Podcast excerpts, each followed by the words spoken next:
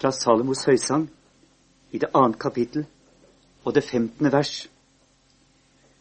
Fang revene for oss, de små rever som ødelegger vingårdene. Våre vingårder står jo i blomst. Og så profeten Esekiel, det trettende kapittel og det fjerde vers.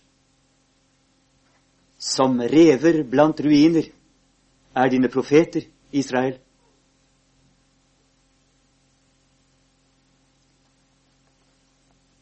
Enda for litt over hundre år siden kunne man ved brudevigsler i norske kirker høre presten be Vi takker deg, Herre, fordi du har innstiftet det hellige ekteskap, og deri betegner din Sønns Jesu Kristi og Hans bruds, den hellige kirkes, sakramentet.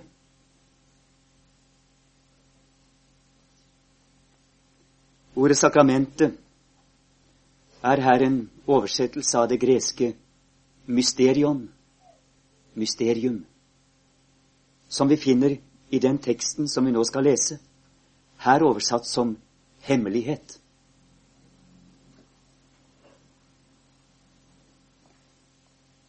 I Efeserbrevet i det femte kapittel, fra det 22. vers,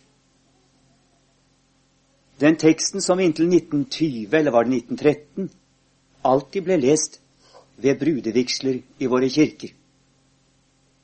En bastion som ble oppgitt under påtrykk av feminismen.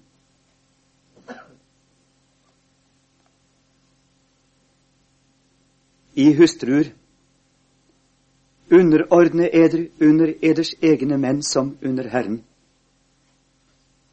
For mannen er hustruens hode, like som Kristus er menighetens hode, han som er sitt legemes frelser. Men like som menigheten underordner seg under Kristus, således skal også hustruene underordne seg under sine menn i alle ting. I menn, elsk eders hustruer like som Kristus elsket menigheten og ga seg selv for den, for å hellige den, idet han renset den ved vannbadet i Ordet, for at han selv kunne fremstille menigheten for seg i herlighet, uten plett eller rynke eller noe sådant, men at hun kunne være hellig og ulastelig. Så er da mennene skyldige og elske sine hustruer som sine egne legemer. Den som elsker sin hustru, elsker seg selv. Ingen har jo noensinne hatet sitt eget kjød, men han før og varmer det, like som Kristus gjør med menigheten, for vi er hans legemes lemmer. Derfor skal mannen forlate far og mor, holde seg til sin hustru, og de to skal være ett kjød. Denne hemmelighet, dette mysterium, er stor, er stort. Men jeg tenker hermed på Kristus og på menigheten. Dog, også I skal elske enhver sin hustru som seg selv, og hustruen skal ha ærefrykt for sin mann. Slik lyder Herrens ord gjennom Hans hellige apostel. Far i himmelen, vi ber om at du må åpne vårt sinn for dette mysterium. At lyset fra den herlighet som mann og kvinne en gang bar for ditt ansikt, kunne falle inn i våre hjerter og opplyse oss om vår rette identitet i forhold til deg og i forhold til hverandre. Vi ber om at du må tenne den sanne kjærlighet i oss, som er fra deg. Den kjærlighet som brant i deg da du skapte oss i ditt bilde, i kjærlighetens bilde, som mann og kvinne. Korsets mysterium. Amen.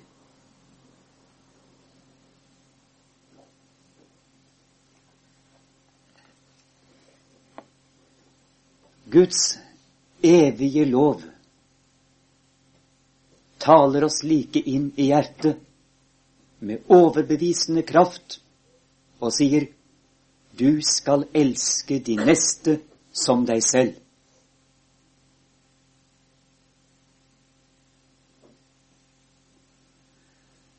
Det første mennesket som slo øynene opp og med et så sin neste, var en mann som så sin hustru. Eller kanskje det var en hustru som så sin mann. Gud skapte mennesket inn i det dypeste jeg-du-forholdet som vi kjenner, til samfunn med seg. Og der, i denne trekanten mellom en kvinne og hennes mann og deres Gud, var det syndefallet fant sted.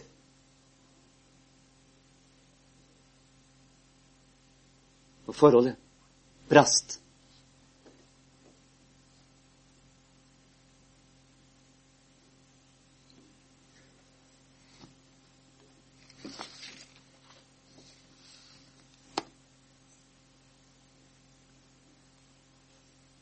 Evangeliet har alltid noe med denne begynnelse å gjøre. Johannes begynner sitt evangelium i selve begynnelsen. I begynnelsen skapte Gud himmelen og jorden. I begynnelsen var Ordet, og Ordet var hos Gud. Det er det opprinnelige skaperordet, hologos, Guds opphavlige mening og tanke med alle ting, som trer oss i møte i mennesket Jesus Kristus. Og ordet ble kjød og tok bolig iblant oss.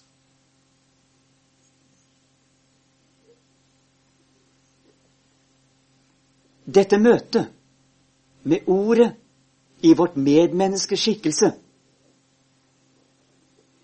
avslører den løgnen som har ført oss bort fra den guddommelige mening. Lyset skinner i mørket. Men inn i dette mørket ropes skaperordet på nytt, som et helbredende ord, med en legedom så radikal at den må kalles å bli født på ny av vann og ånd. Og Guds ånd svevde over vannene. Og Gud sa, det blir lys. Og det ble lys. Jesus, ord fra Gud, kaller våre liv tilbake til den opphavelige mening. Han som selv kalles den annen Adam. Som en lege med nyskapende evne trer han inn i en verden som er korrumpert av slangens løgn, og retter våre liv ved sannhetens makt. Han er selve ordet som kommer fra begynnelsen. For at vi skal begynne på nytt.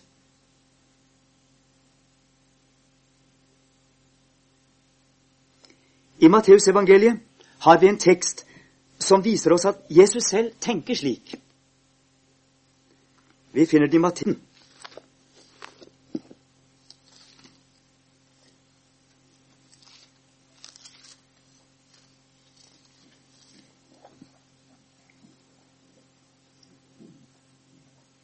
Og vi kan lese fra vers 2, for jeg tror denne konteksten er viktig. Og meget folk fulgte ham, og han helbredet dem der.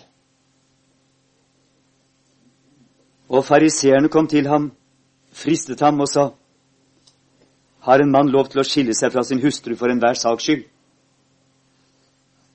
Han svarte og sa:" Har I ikke lest at Han som skapte dem, fra begynnelsen av skapte dem til mann og kvinne, og sa:" Derfor skal mannen forlate far og mor og holde seg til sin hustru, og de to skal være ett kjød. Så er de da ikke lenger to, men ett kjød. Derfor, det som Gud har sammenføyet, det skal et menneske ikke atskille. De sa til ham, Hvorfor bød da Moses å gi hustruen skilsmissebrev og skille seg fra henne? Han sa til dem, For eders hårde hjertes skyld gav Moses eder lov til å skilles fra eders hustruer. Men fra begynnelsen har det ikke vært således. Fra begynnelsen har det ikke vært således. Jesus argumenterer med begynnelsen. Fra begynnelsen har det ikke vært således. Jesus forplikter dermed seg selv og oss på det som var Guds mening fra begynnelsen. Jesus er ikke villig til å avfinne seg med Moselov og våre harde hjerter. Han er kommet for å gjøre noe med dem. Syndens makt og følger skal ikke lenger kunne stå mellom oss og selve begynnelsen. Det er derfor han er der og helbreder. Moselov, som dypest sett er syndens og dødens lov. Dere husker at Paulus kaller den det. Fordi den er en lov på syndens og dødens premisser. Denne Moselov skal ikke lenger sperre oss inne i sine kriseordninger. Den er en kriseordning fordi vi og våre ekteskap er i krise. Jesus er kommet for å åpne veien gjennom krisen, tilbake til begynnelsen. Ikke bare for det enkelte mennesket, men for mann og kvinne, gitt til hverandre av Gud.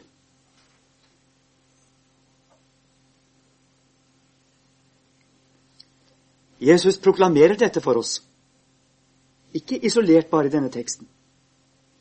Han proklamerer det hver eneste gang vi er samlet til høymesse.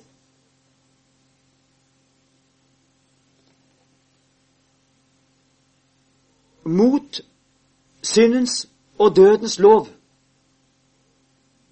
holder han opp åndens lov, livets lov. Mot den gamle pakt holder han frem den nye pakt. Og han sier, denne kalk er den nye pakt i mitt blod, som utgytes for eder til syndenes forlatelse.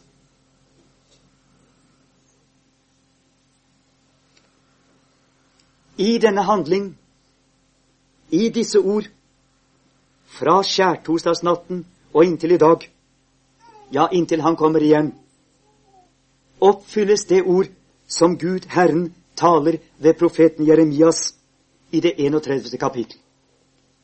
Og stadig på nytt trenger vi å minne oss om hva det vil si å leve i den nye pakt, i Det nye testamentet. Å være den nye pakts folk.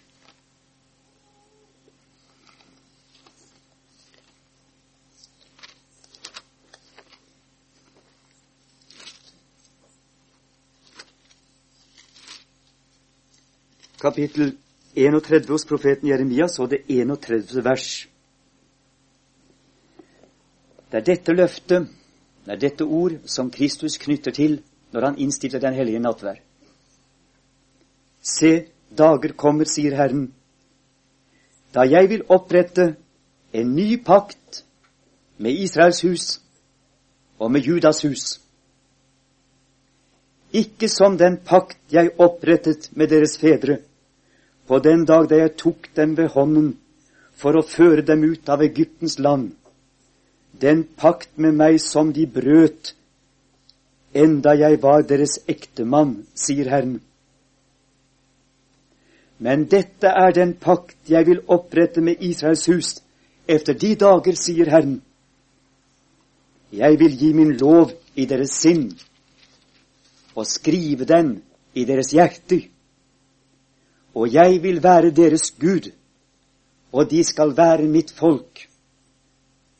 Og de skal ikke mere lære hver sin neste og hver sin bror å si, Kjenn Herren, for de skal alle kjenne meg, både små og store, sier Herren.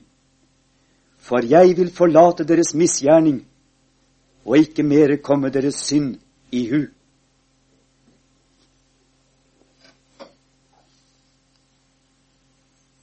I den nye pakt gjenopprettes det brutte gudsforholdet. I den nye pakt hersker tilgivelsens makt.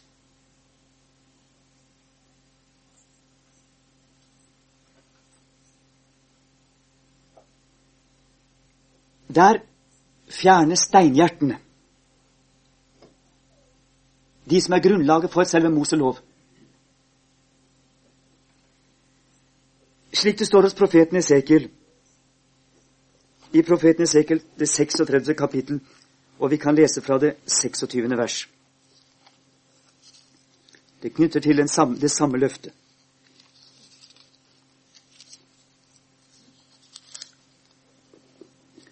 Og det forteller oss hva som skal skje når Gud helliger sitt store navn og oppfyller vårt Fader vår.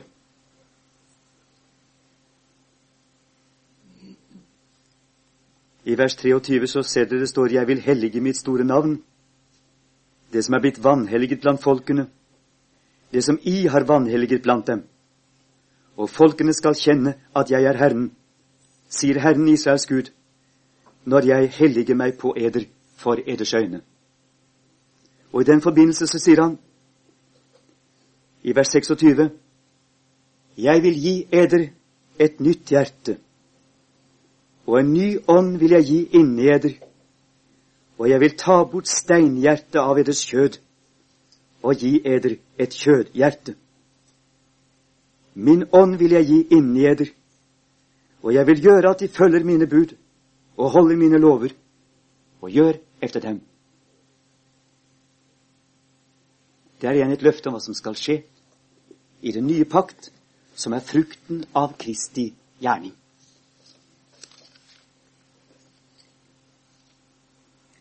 Men bak alt dette ligger det på et måte et vondt minne, som Gud selv henviser til i Jeremias 31.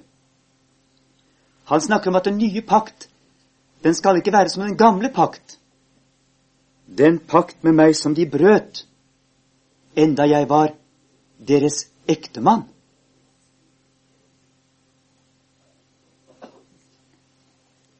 Det virker som om den nære pakt mellom mann og kvinne. Den første pakt som overhodet ble sluttet på jorden. At denne pakt alltid klinger under når Gud Herren taler om sin pakt med sitt folk.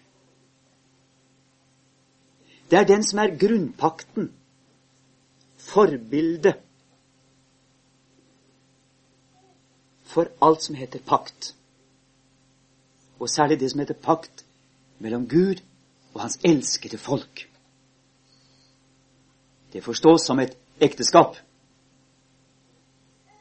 Jeg var deres ektemann, sier Herren. Og Dere kan slå opp i Bibelen selv og finne hvor mange ganger paktsbruddet kalles for hor. Ekteskapsbrudd.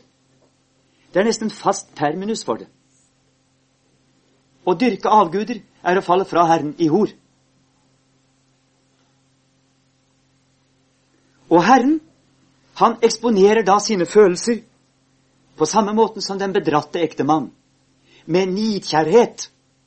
Og det er bare et gammeldags ord for sjalusi. Brennende sjalusi. Som får ham til å slå.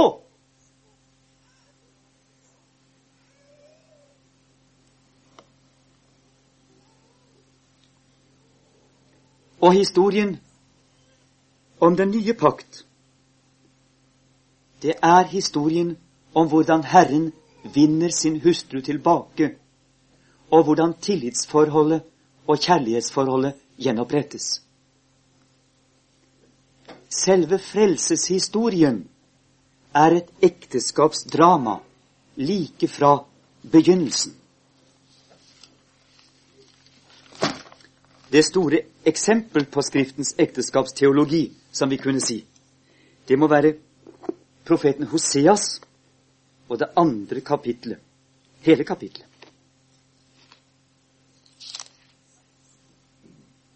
Jeg kunne ha lyst til å lese hele kapitlet. Her er alt samlet i ett.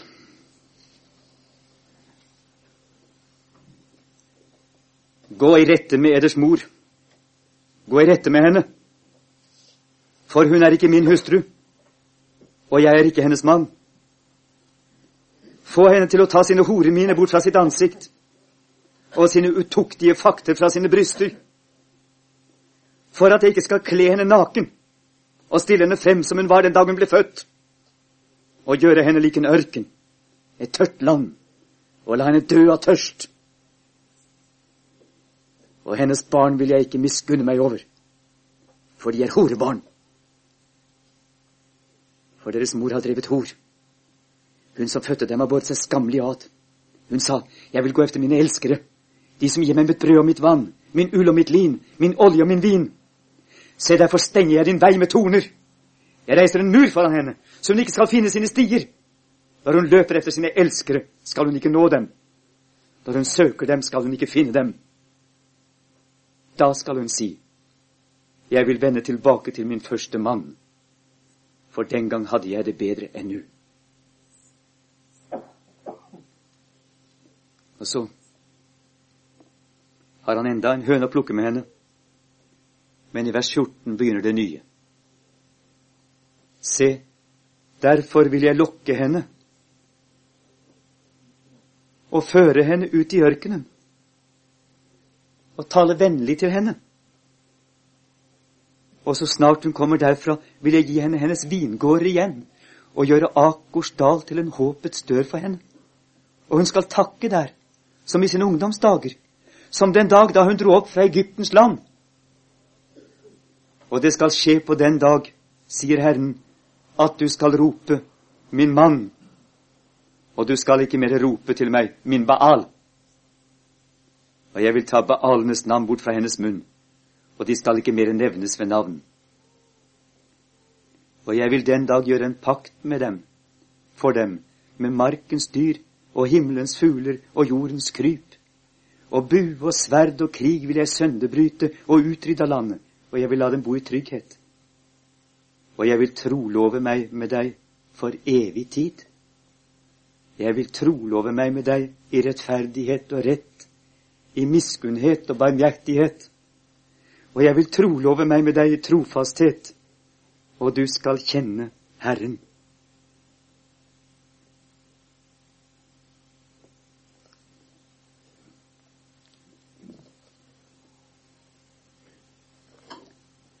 Men det mest radikale kapitlet, det er nok Esekiel kapittel 16. Og det er så radikalt at det til alle tider er blitt ansett som obskønt.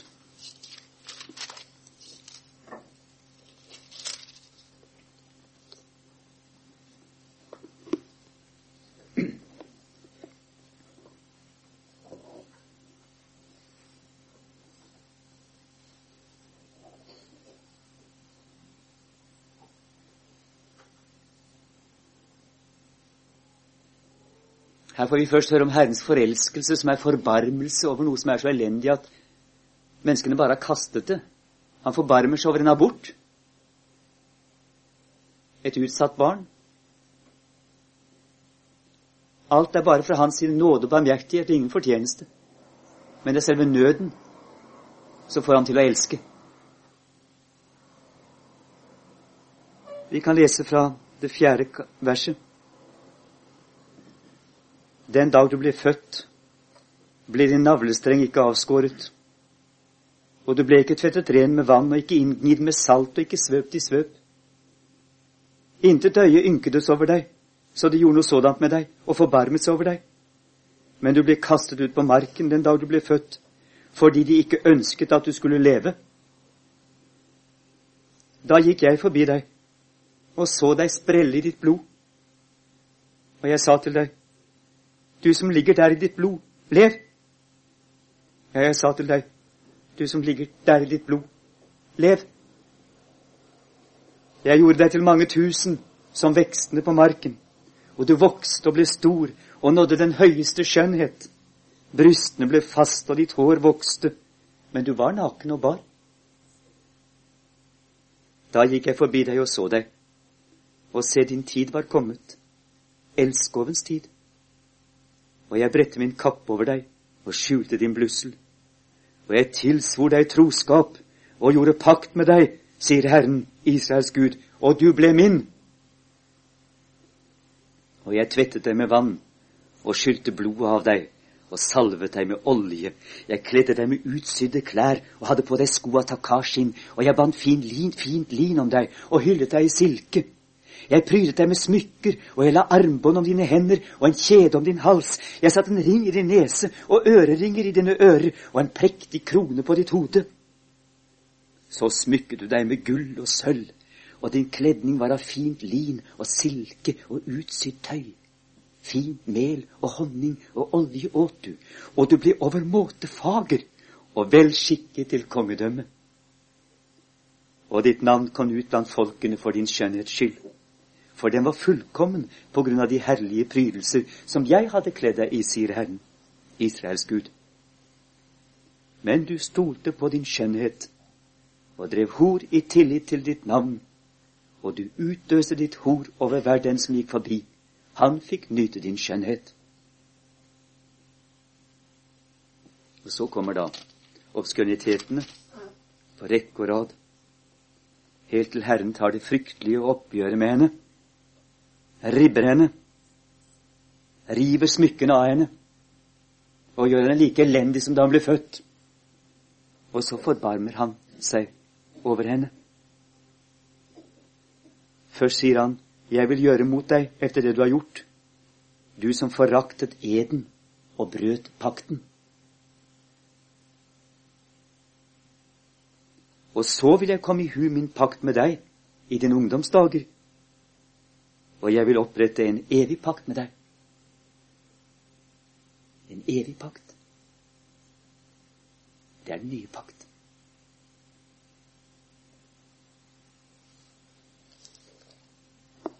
Helt til slutt jeg vil opprette min pakt med deg, og du skal kjenne at jeg er Herren, for at du skal komme din ferd i hu og blues, og ikke mere opplate din munn for din skams skyld når jeg forlater deg alt det du har gjort, sier Herren, Israels Gud.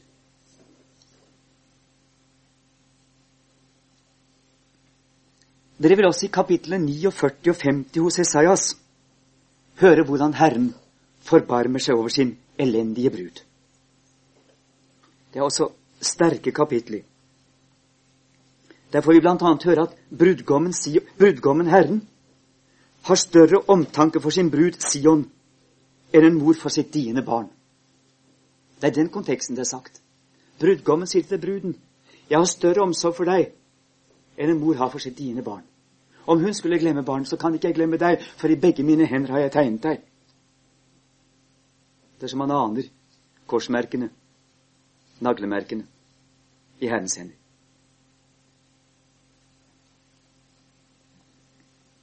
Og han, han sier også uttrykkelig at han aldri har skilt seg fra henne.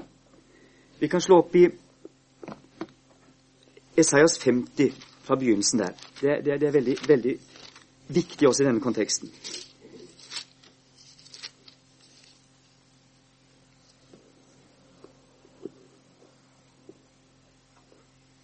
Så sier Herren, hvor er eders mors skilsmissebrev, som jeg har jaget henne bort med? Eller hvem av dem har noe å kreve av meg eller hvem av dem som har noe å kreve av meg, har jeg solgt dere til? Nei, for eders misgjerningers skyld er de blitt solgt, og for eders overtredelses skyld er deres mor blitt jaget bort. Men noe skilsmissebrev eksisterer ikke fra Herren. Han står ved sitt ord. Dere kan også lese om det i Jesaja 66, der hvor, hvor Herren for alvor oppfyller alle sine løfter til sin, til sin enslige brud. Og lar henne få hennes barn igjen og, og overøser henne med velsignelse. For selv om Herren er den nidkjære Gud, brennende sjalu Han tåler ingen Gud ved sin side. Før legger han Jerusalem i ruiner. Og det har han gjort mange ganger. I hvert fall to. Selv om Gud er den nidkjære Gud, så er han først og fremst den trofaste Gud. Han er en mann som står ved sitt ord. Derfor hater han skilsmisse, sier han. Og ikke bare skilsmisse men seg og sitt folk. Han hater enhver skilsmisse. Den er imot det dypeste av hans vesen. Fordi han er den trofaste Gud.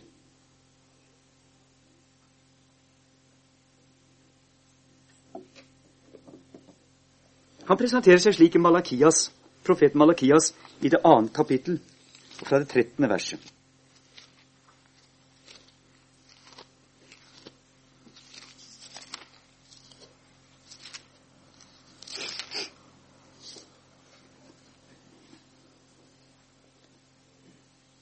Og her taler han til prestene, de som skulle stå ham nærmest.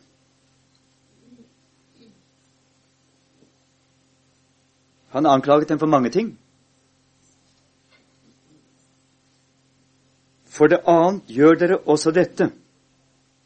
Dere dekker Herrens alter med tårer, med gråt og sukk, så han ikke mere ser på offergaven, eller med velbehag tar imot noe av eders hånd. Og dere sier hvorfor? Fordi Herren har vært vitne mellom deg og din ungdoms hustru, som du har vært troløs mot, enda hun er din ektemake og din hustru, som du har inngått pakt med. Men har ikke én gjort det, og er enda blitt i live? Men hva gjorde denne ene? Han ville oppnå den ett Gud hadde lovet ham. Men dere skal ta vare på deres liv, og mot din ungdoms hustru må du ikke være troløs. For jeg hater skilsmisse, sier Herren, Israels Gud. En dekker derved sitt kledebond med vold, sier Herren, herskernes Gud. Så ta da vare på eders liv, og vær ikke troløse.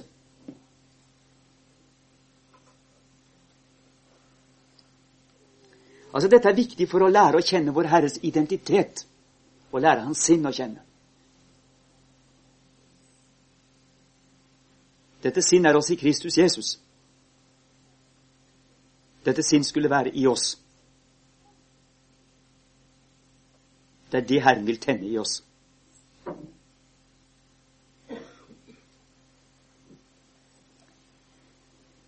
Men hvordan det ser ut i pakten når alt er som det skal være. Når alt er fullkomment, og gleden bryter inn, alt er tilgitt, alt er gjort opp, alt kan begynne på nytt. Ja, det kan vi lese om i Høysangen. Hele Høysangen handler om kjærligheten mellom Herren og hans brud. Men her er det ubrutt. Riktignok er det lengsel, smerte i det. Det er det. Men tilliten er gjenopprettet. Kontakten er der. Og vingårdene blomstrer. Det er bare de små revene. De små revene kjenner vi. De er der bestandig og vil ødelegge. Men allikevel, de fortoner seg bare som små rever.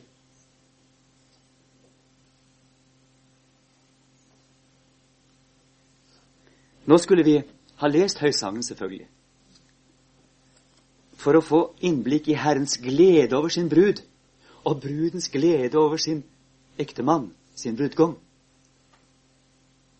Det er selve hjertet i Den hellige skrift. Det står midt i der.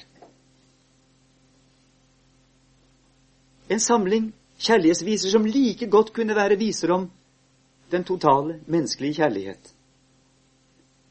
Og vi er jo skapt i Guds bilde. Det er ikke så godt å si hva som er først, og hva som er sist. Men Herren vedkjenner seg disse sangene og sier, 'De er mine. De er min bruds.' Disse kan vi synge sammen. Jeg fra himmelen og hun fra jorden. Disse skal vi synge sammen når det hellige bryllup begynner. Lammets bryllup i åpen. Når det nye Jerusalem stiger ned på jorden, smykket som en brud for sin brudgom.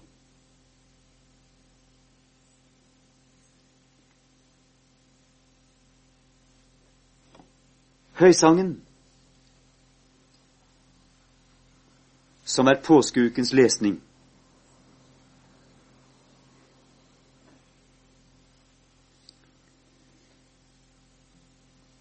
i den menneskelige Her i høysangen er altså skilsmissen overvunnet, og paradiset åpnet på nytt. Høysangen utspiller seg på en måte i begynnelsen, så langt du kan komme det nær i denne verden, i nådens tid. Og det onde det finnes altså bare i randen av synsfeltet, som noen små rever. Fang revene for oss, de små revene som ødelegger vingårdene. Våre vingårder står jo i blomst, som det står i Høysangen 2, vers 15. I den menneskelige kjærlighet ser Gud Herren et speilbilde av sin egen. Han gjenkjenner også sin egen avmakt. Det er det eneste området hvor Herren er avmektig, fordi kjærligheten er sterkere enn Guds allmakt. Jeg tror vi skal synge den sangen sammen. Det er et tillegg til høysangen.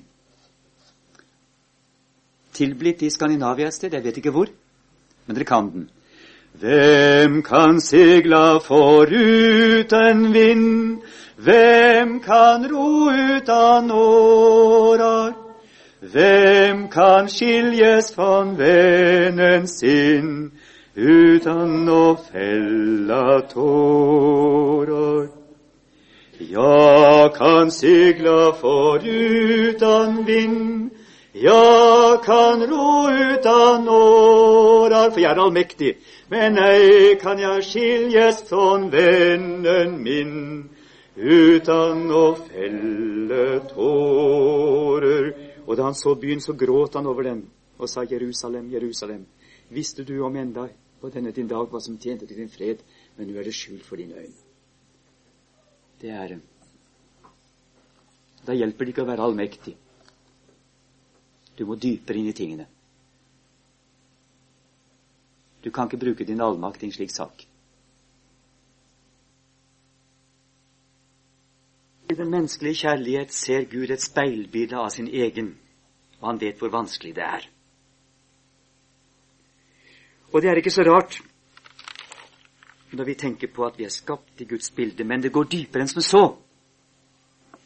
Selve utgangspunktet for det ekteskapsdrama som fører frem til en nye pakt, er, som vi begynte å si, et trekantforhold mellom mann og kvinne og deres Gud. Og der begynner det. Slik var det ikke i begynnelsen, sa Jesus. Nei, i begynnelsen var hele menneskeheten, om dere vil, samlet til stede i et eneste par.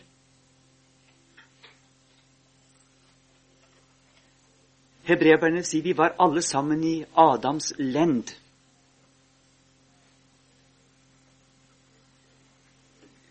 Og dette paret befant seg i et ubrutt og åpent forhold til hverandre og til sin Gud.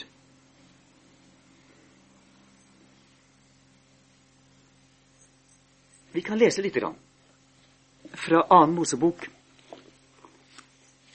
det annet kapittel, og fra det 21. verset.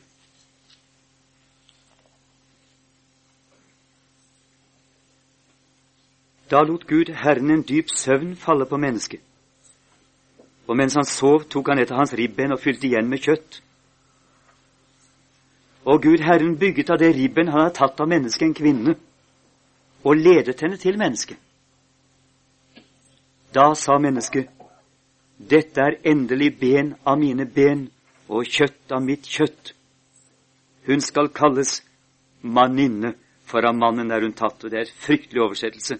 Og hvem kan skaffe oss en annen? Hun skal kalles Isha, for av Ish er hun tatt.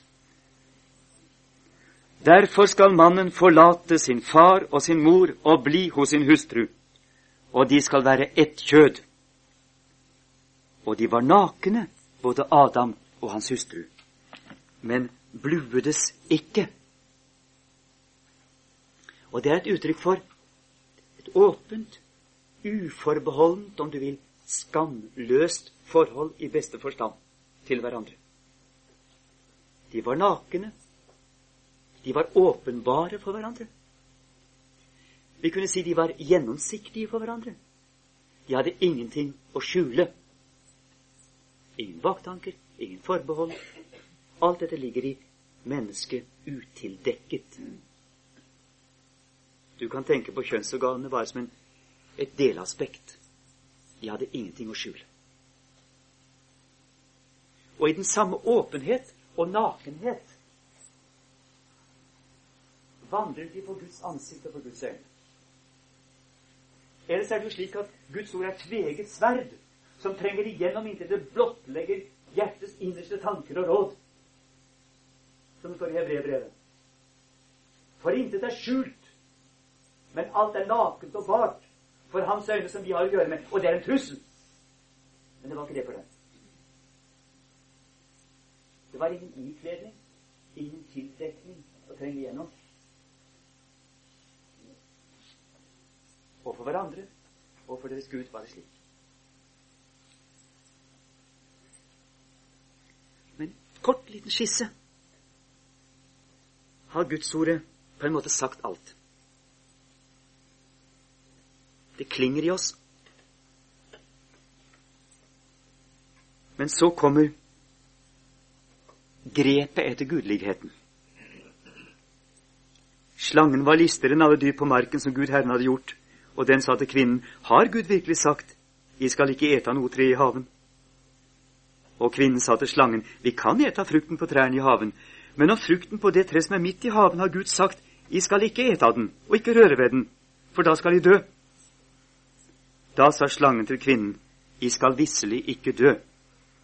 For Gud vet at på den dag I eter av det, skal eders øyne åpnes, og I skal bli like som Gud og kjenne godt og ondt.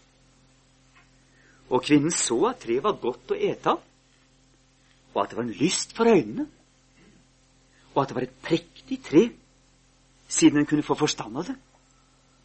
Og hun tok av frukten og åt, og hun ga sin mann med seg, og han åt. Da ble begges øyne åpnet, og de så De ble var at de var nakne, og de heftet fikenblad sammen og bandt dem om livet. Og de hørte Gud Herren som vandret i haven da dagen var blitt kjølig, og Adam og hans hustru skjulte seg for Gud Herrens åsyn mellom trærne i haven. Da kalte Gud Herren på Adam og sa til ham, Hvor er du? Og han svarte, Jeg hørte deg i haven. Da ble jeg redd, fordi jeg var naken, og jeg skjulte meg. Da sa han, Hvem har sagt deg at du er naken? Har du ett av de tre som jeg forbød deg å ete av? Og Adam sa, Kvinnen som du ga meg til å være hos meg, hun ga meg av treet, og jeg åt. Da sa Gud Herren til kvinnen, Hva er det du har gjort? Og kvinnen sa, Slangen dåret meg, og jeg åt. Da sa Gud Herren til slangen, Fordi du gjorde dette, skal du være forbannet blant alt fe og blant alle de ville dyr. På din buk skal du krype, og støv skal du ete all ditt livs dager. Og jeg vil sette fiendskap mellom deg og kvinnen, og mellom din ett og hennes ett. Den skal knuse ditt hode, men du skal knuse dens hæl. Til kvinnen sa han, Jeg vil gjøre din møye stor i ditt svangerskap. Med smerte skal du føde dine barn, og til din mann skal din attrå stå, og han skal råde over deg.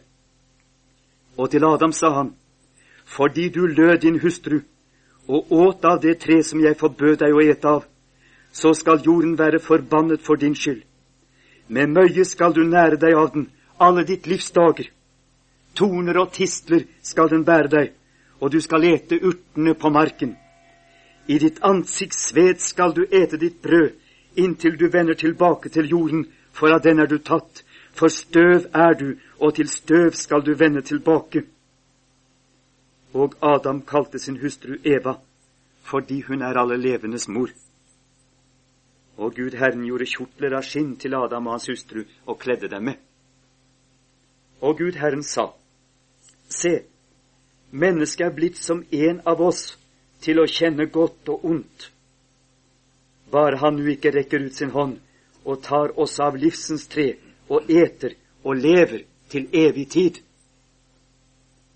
Så viste Gud Herren ham ut av Edens hage og satte ham til å dyrke jorden som han var tatt av. Og han drev mennesket ut, og foran Edens hage satte han kjerubene med det luende sverd som vendte seg hit og dit for å vokte veien til livsens tre. Og her er vi. Dette er situasjonsanalysen. Vi er utenfor.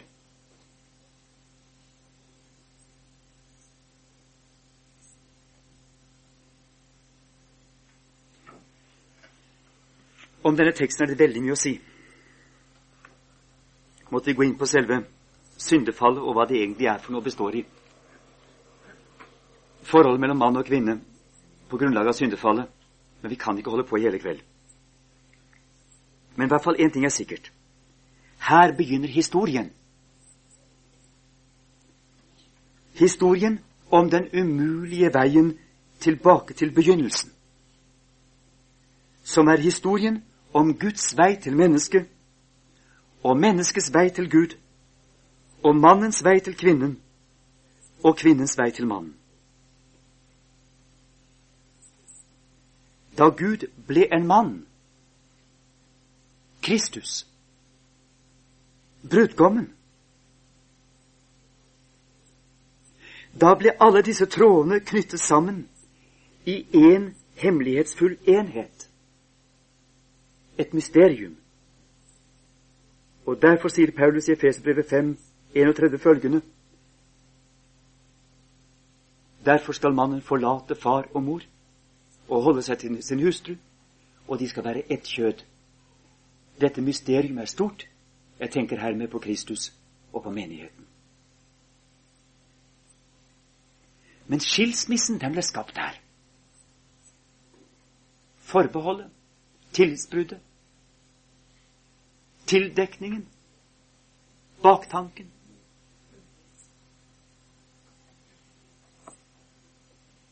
To mennesker som ville være Gud, som grep etter selvbestemmelsen over sitt liv.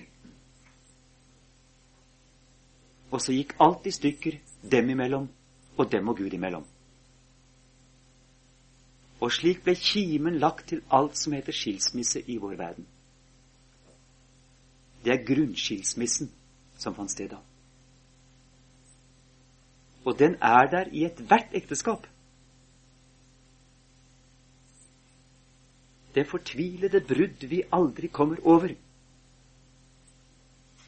Det er like fortvilet og vanskelig som vårt forhold til den levende Gud. Det er noe som er gått i stykker. Det kan du lese ut av enhver sannferdig kjærlighetsroman.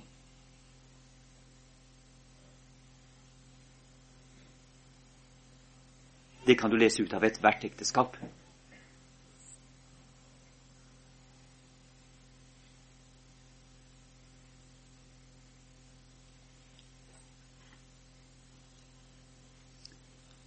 Ingen har nærmere medmenneskelige relasjoner til hverandre enn mann og kvinne, overgitt til hverandre i ekteskap.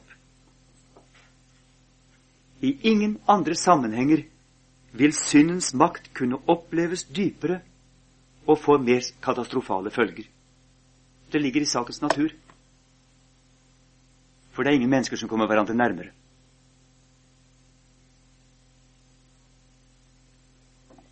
Alle andre relasjoner er mye mer overfladiske. Lettere å bakke ut av. Det går ikke så helt inn på huden, ja, inn på sjelen, som mann og kvinne. To sider av samme sak, med brudd imellom seg. Ingen andre steder vil synden kunne oppleves dypere og få mer katastrofale følger.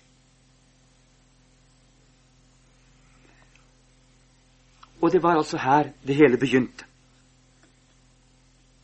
Derfor er ekteskapet evangeliets største og mest sentrale utfordring. Det er ikke uten grunn at Johannes, som begynner med begynnelsen, han forteller om vinunderet ved bryllupet i Kana som Jesu første tegn. Dette sitt første tegn gjorde Jesus i Kana i Galilea og åpenbarte sin herlighet for sine disipler. Han er den som fornyer bryllupsgleden. Han er den som forsoner Gud og mann og kvinne. Men det gjør han ved selv å gå brudgommens tunge vei tilbake til bruden. Tvers igjennom oppgjøret med mannens svik og kvinnens skyld. Og Guds dom over dem begge. Hele Kristi forløsergjerning kan ses under det bildet og under det aspektet. Og det er noe mer enn et bilde. Fordi Jesus er en mann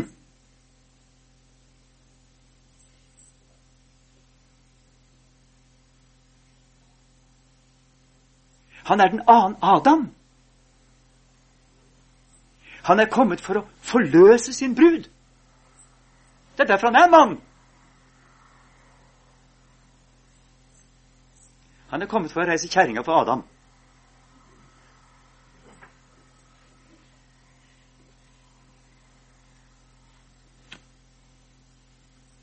Evas synd er at hun griper etter likheten med Gud. Hun griper sin selvbestemmelse, om dere vil. Hun vil selv avgjøre hva som er godt og ondt. Det er det hun griper etter, ikke etter frukt. Men hun griper etter dette. Det skal bli like som Gud. Hun er gudinnen.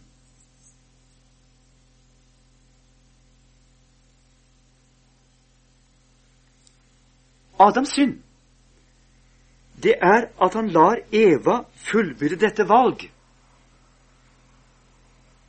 uten å holde henne tilbake. Uten å ta det ansvar han har som mann. At han også lar henne velge for seg.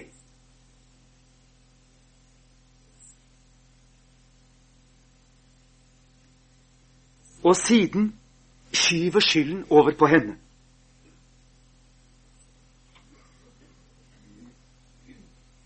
Ikke på noe punkt tar Adam ansvar.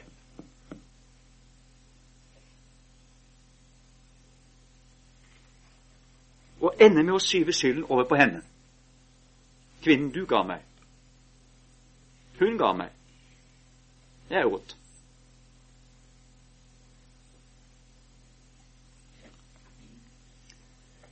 Jeg tror det er den enkle strukturen i Adams syndefall.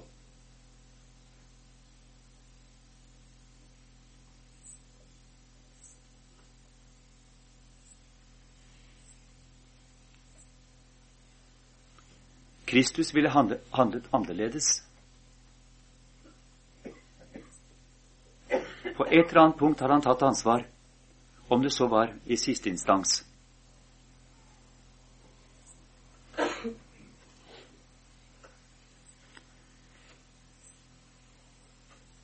Én ting er sikkert Adam avsetter seg selv som mann.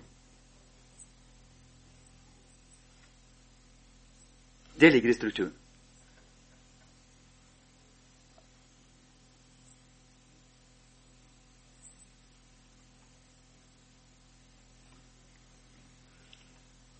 Gud forkynner sin dom over dem begge. Han dømmer dem til et usselt avhengighetsforhold av hverandre. Men til Eva gir han et løfte, indirekte gjennom sin krigserklæring til slangen.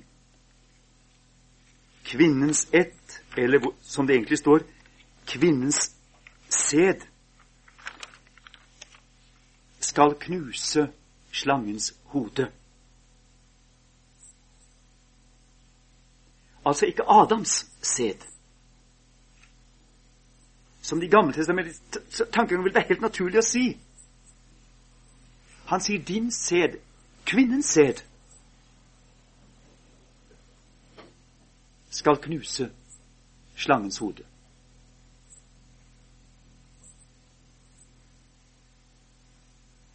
Det betyr at Guds dom over Adam innebærer at Adam kan verken selv eller gjennom noen av sine sønner befri sin brud fra slangens makt. Det er kvinnesønnen som må gjøre det. Han som ikke er født av kjøtsvilje eller mannsvilje, men av Gud. Og født det kan bety både å være avlet, altså være unnfanget. Født av en mann kan det godt være. Det betyr at denne mannen er din far. Født av en kvinne. Denne kvinnen er din mor.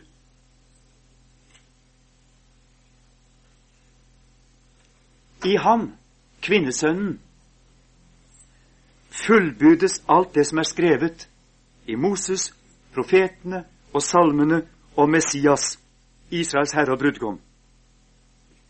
I ham oppfylles Gud Herrens paktsløfter og folkets lengsel. I ham når Guds ekteskapshistorie sin fullendelse. Og i ham gjenfinner bruden den mann som var tiltenkt henne av Gud.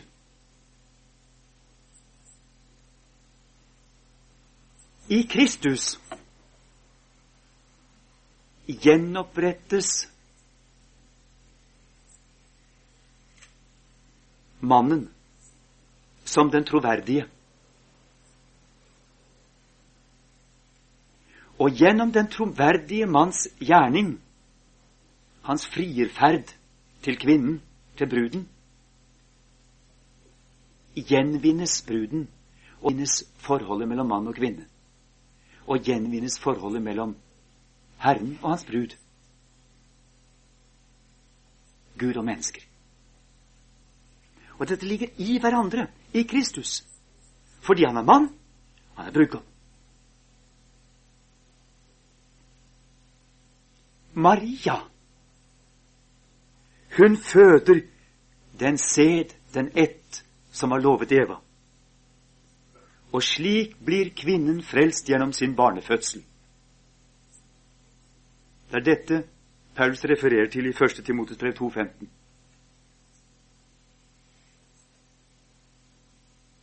Kvinnen, kvinnekjønnet i det hele tatt, representert gjennom Eva og Maria. De er ett. Og kvinnen føder sin frelser. Hun føder den mann som er lovet henne og som bare Gud kan være far til. Og verken Josef eller noen av Adams etlinger.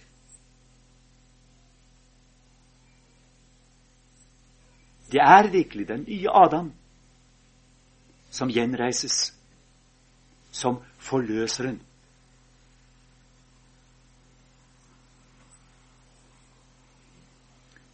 Dette er den mann som er uten synd, den mann som er uten del i Adams svik den rette mann som kan reise henne av fallet.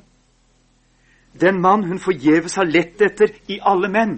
Og nå snakker jeg igjennom symbolsk om menigheten, men også personlig om hver enkelt kvinne.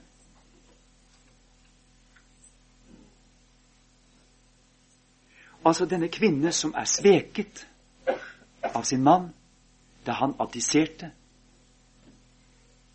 som står alene under ansvaret, under byrden av sin skyld. Hun som aldri har funnet sin forløser i noen av de menn hun har elsket, fordi at bristen alltid har vært der.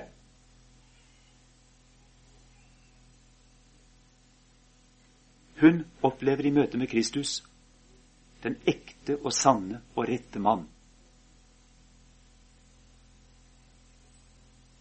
Og slik er hun representant for menigheten, som også er en kvinne, som venter på denne fullbyrdelsen.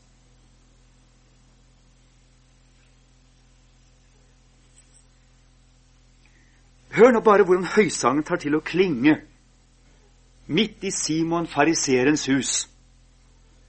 Vi må lese Lukas 7 og noen vers derfra.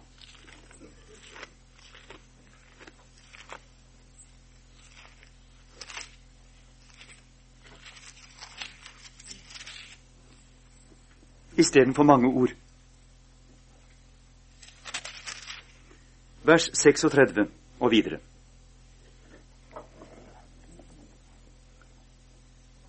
Men en av fariseerne ba ham at han ville ete hos ham. Og han gikk inn i fariseerens hus og satte seg til bords. Og se, det var en kvinne der i byen, som var en synderinne. Og da hun fikk vite at han satt til bords i fariseerens hus, kom hun med en alabasterkrukke med salve og sto bak ved hans føtter og gråt, og begynte å hvete hans føtter med sine tårer og tørket dem med sitt hår og kysset hans føtter og salvet dem med salven. Men da fariseeren som hadde innbudt ham, så det, sa han ved seg selv, var denne mann en profet? Da visste han hvem og hvordan denne kvinne er som rører ved ham, at hun er en synderinne. Og Jesus svarte og sa til ham, Simon, jeg har noe å si deg. Han sier, Mester, si frem. En som lånte ut penger, hadde to skyldnere.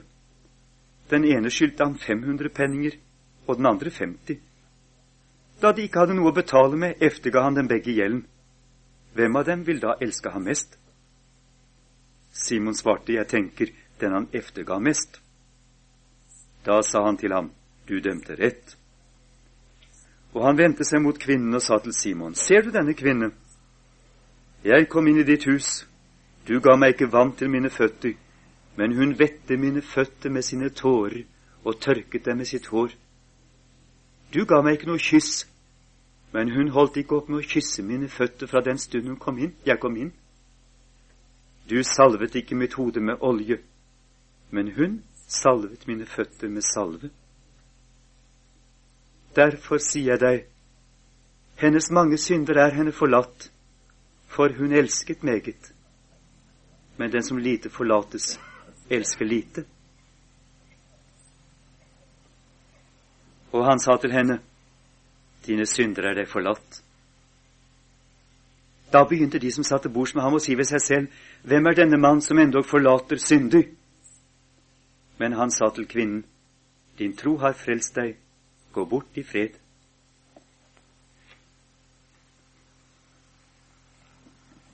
Jeg er overbevist om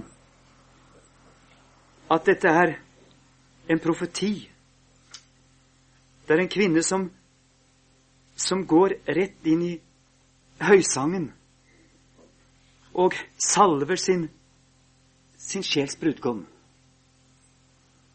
Hun kjenner ham. Likte det dypeste av sitt vesen. Og skamløst gir hun uttrykk for det.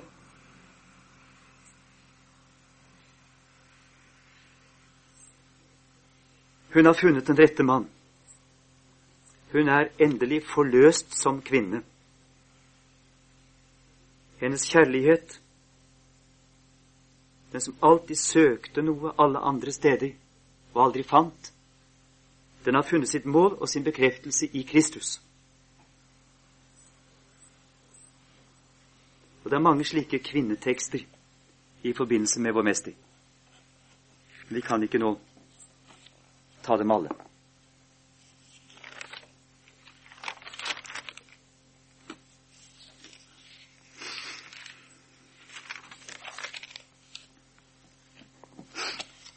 Men det som er viktig, det er at når evangeliet slik bryter inn Når Adams sønn, mannen, møter Kristus som sin stedfortreder og får igjennom ham høre at 'ditt svik har jeg gjort opp', radikalt overfor Gud, og om du kan gripe det også overfor din kvinne.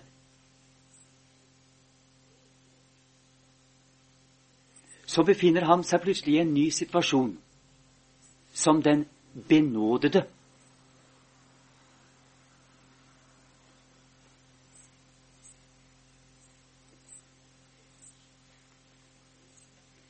Men jeg tror at en kvinne opplever dette annerledes. For hun opplever at hun har møtt den som har tatt ansvar for henne. Hun har i Kristus møtt det hun hadde ventet av sin mann i en slik eksistensiell situasjon, hvis hun virkelig hadde forstått den.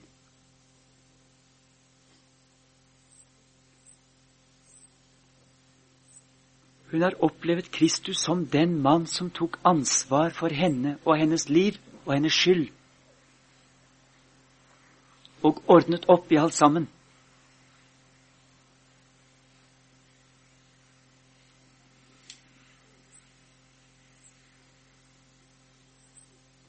Jeg tror kvinnen opplever, og må oppleve dette annerledes enn mann, fordi hun så å si er menighetens ikon. Menigheten er kvinnelig. Forholde seg til en brudgom som forløser. Og i dette mysterium, på et visst punkt i dette mysterium, så står mannen utenfor.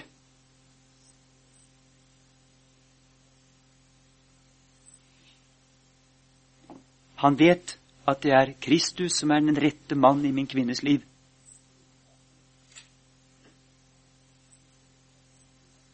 Jeg kan ut fra meg selv ikke være alt det han er, enda jeg skulle ha vært. Det er min dom. Jeg er den gamle Adam, men jeg har fått møtt tilgivelsen. Han er min bror. Han er min mester. Han har gjort opp for meg.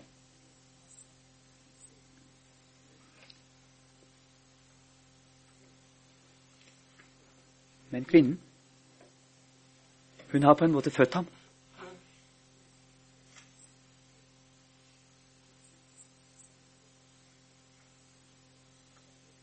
Og hun har jo egentlig født ham i Maria.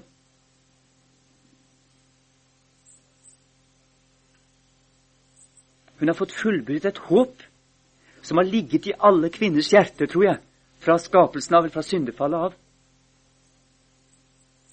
Dette løftet som Gud ga, det har kanskje ligget der dypt, dypt inne.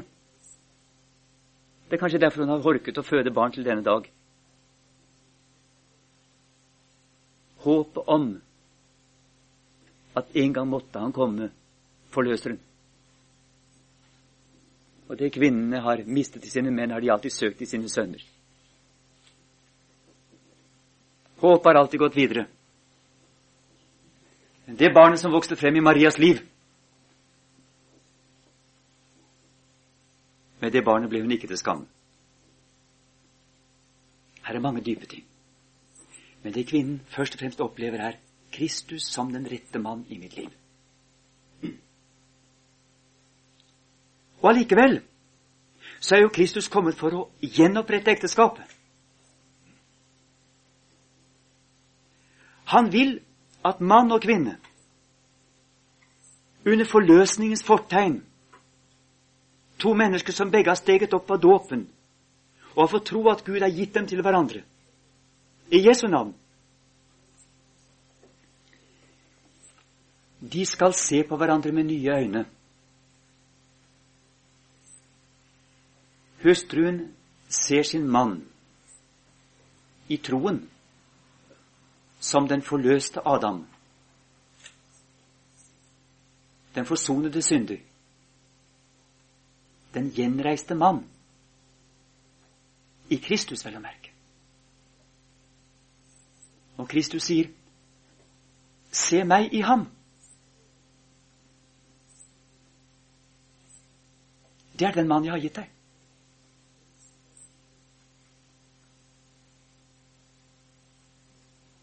Og til mannen sier han, Se min menighet, henne som jeg ga mitt liv for, i henne. Og vær min efterfølger. Nå kan du være det. Når alt er gjort opp og alt er tilgitt. Elsk henne som jeg har elsket henne. Som jeg har elsket menigheten og gitt mitt liv for henne. Og så blir Kristus disippelens forbilde. Disippelen er mannen. Og bruden, menigheten, blir kvinnens forbilde. Og hun er det jo på en måte selv. Og hun ser sin Herre og Hans herlighet i den mann som han har gitt henne.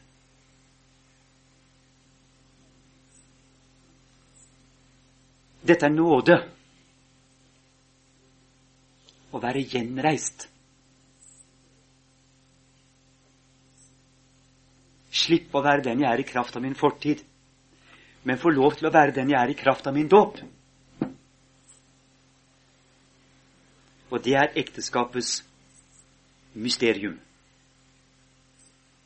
To forløste mennesker, mann og kvinne, under denne histories fortegn som ser på hverandre som henholdsvis en ikon av Kristus og av menigheten.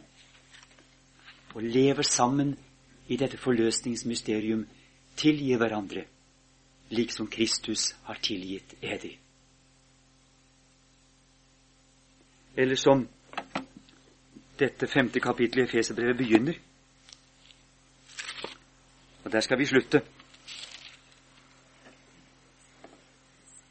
Bli derfor Guds efterfølgere som Hans elskede barn, og vandre i kjærlighet, like som Kristus elsket eder og gav seg selv for oss som en gave og et offer, Gud til en velbehagelig duft.